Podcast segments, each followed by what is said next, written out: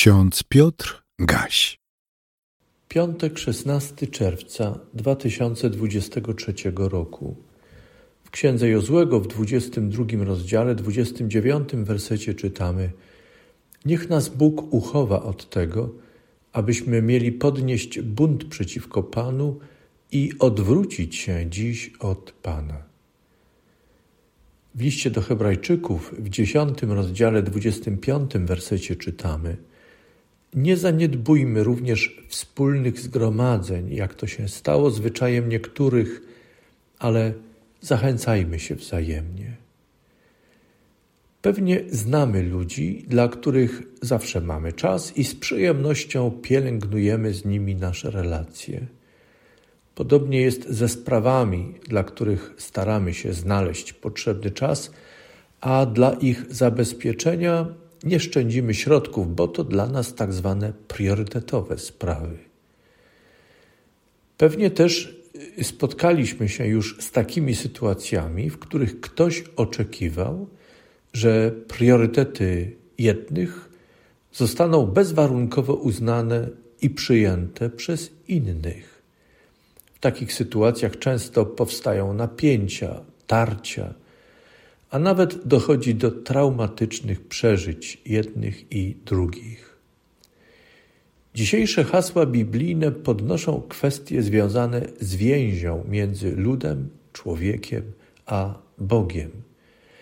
Starotestamentowe hasło przywołuje sytuację, w której część plemion izraelskich została posądzona o naruszenie priorytetu religijnego, a konkretnie o naruszenie pierwszego przykazania i buntu przeciwko Panu.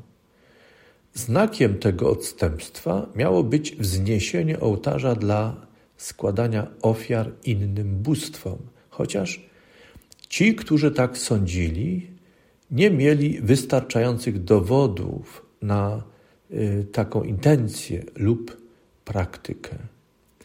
Sprawa była poważna, bo plemiona formułujące posądzenia były gotowe zbrojnie wystąpić przeciwko plemionom łamiącym Boże przykazania. Tak radykalne stanowisko było podyktowane strachem, że Bóg ukaże nie tylko buntowników, odstępców, ale że ukaże także inne plemiona za to, iż nie zareagowały na odstępstwo, chociaż wiedziały o wzniesieniu bałwochwalczego ołtarza.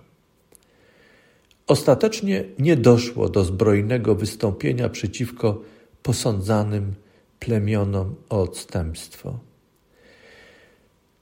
Po przebadaniu sprawy, odbyciu rozmów, okazało się, że wzniesiony ołtarz miał być znakiem szacunku i czci dla jedynego Boga oraz wyrażać jedność z tymi, którzy czcili i służyli temu Bogu. Mówiąc inaczej, zbudowany ołtarz był swego rodzaju symbolem wiary, wspólnym wyznaniem wiary w jedynego Boga. Nowotestamentowe hasło z listu do Hebrajczyków wzywa: Nie zaniedbujmy również wspólnych zgromadzeń, jak to się stało zwyczajem niektórych, ale zachęcajmy się wzajemnie. Naturalnie z kontekstu jednoznacznie wynika, że takie przypomnienie o niezaniedbywaniu było zaadresowane do wierzących w zborze, do tych, którzy zaniedbywali obecność na zgromadzeniach zboru, bo nie przestrzegali trzeciego przykazania. Zmienili w swoim życiu priorytety. Nie wiemy, dlaczego tak postępowali i co było dla nich ważniejsze od wspólnego zgromadzenia a może byli po prostu leniwi w pielęgnowaniu życia duchowego. Kochani, hasła wyznaczone na dzisiaj do rozważania zachęcają nas do przyjrzenia się naszym priorytetom. Tak, w pierwszej kolejności chodzi o przyjrzenie się priorytetom w naszym życiu. Komu i czemu chętnie poświęcamy czas? o kim i o czym z radością rozmawiamy. Chętnie, z zaangażowaniem słuchamy. Czy realizujemy przyjęte nadrzędne cele? Czy jesteśmy wytrwali i rzetelni, pracowici, otwarci na współpracę dla tego, co nadrzędne, co priorytetowe? A kiedy różnimy się, gdy nasze drogi rozchodzą się, w sytuacji rozdroża, typowej sytuacji kryzys, co robimy wtedy? Oskarżamy, zbroimy się, zwalczamy, bo ktoś myśli, postąpił inaczej, ma inne priorytety, bo jak nam się wydaje, nie dość o coś dba, stara się i tak dalej, i tak dalej. W Starym Testamencie czytamy trudne teksty na ten temat. To oczywiste, że przekazanie miłości obowiązywało już przed przyjściem Chrystusa. Zaskakuje jednak to, jakie interpretowano i jak usiłowano wdrażać w codzienne życie. Chrystus potwierdził aktualność i niezmienność przekazania miłości do Boga oraz do bliźniego. W swoim nauczaniu i przez wytyczenie drogi postępowania pozostawił nam wzór do naśladowania. To prawda, że Pan Jezus nie pozostawił pełnego katalogu z gotowym rozwiązaniem dla każdej sprawy i dla każdej sytuacji. Natomiast objawił swoją miłość, w której mamy szukać mądrości, abyśmy zawsze właściwie zaopiekowali się każdą powierzoną nam sprawą i znaleźli właściwy gest i sposób postępowania w każdej sytuacji, w której się znajdziemy.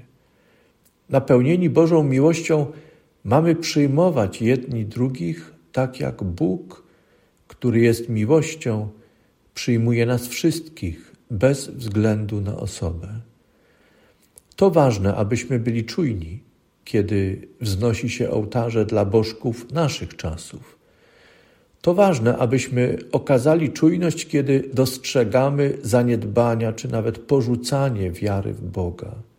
Ale w pierwszej kolejności mamy być czujni i zadbać o wiarę, o nadzieję, o miłość w swoim życiu. Kiedy chcemy iść do innych lub musimy pójść do innych, aby ich napominać, mamy w tym napominaniu pozostać wierni Chrystusowi i Jego naśladować. On słuchał, pytał, nauczał, karcił, sprzeciwiał się, ale ci, dla których to wszystko czynił, wiedzieli albo przyznawali wcześniej lub później, że Bóg objawiony w nim, w Jezusie Chrystusie, nie przestawał ich kochać. Wiedzieli, że Bóg nie porzucił ich, nadal ich kocha. Bóg odstępnych nie eliminuje. Bóg ich szuka, bo nie przestał ich kochać. Biskup Mikołaj Ludwik von Zinzendorf w jednej ze swoich pieśni tak napisał: Pójdźcie, dzieci łaski, pójdźcie, któryście w przybytku tym. Wierną miłość mu ślubujcie, wznówcie swe przymierze z nim. Gdy miłości łańcuch słaby, gdy wam brak stałości, sił, proście mistrza o to, aby przezeń znów wzmocniony był. Amen.